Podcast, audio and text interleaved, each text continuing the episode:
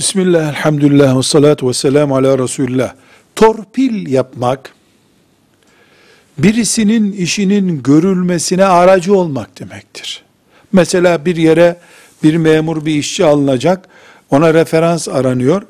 O referansı şahit pozisyonunda olup sağlamak demektir. Evet bu aldığınız şahıs bu işi yapar adam demektir.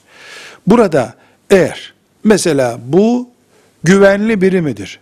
Sorusuna verilen cevap güvensiz olduğunu bile bile sadece köylüsü olduğu için, akrabası olduğu için çok güvenlidir. Aradığınız gibidir dendiği zaman yalan şahitliktir bu.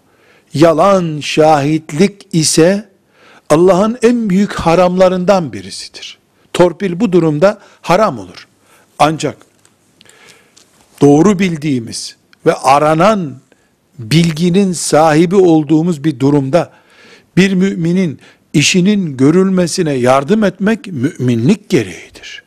İkisi arasındaki farkı yalan şahitlikle bir müminin işini görmek arasındaki farkı da vicdanlarımız, kalplerimiz belirleyecek. Velhamdülillahi Rabbil Alemin.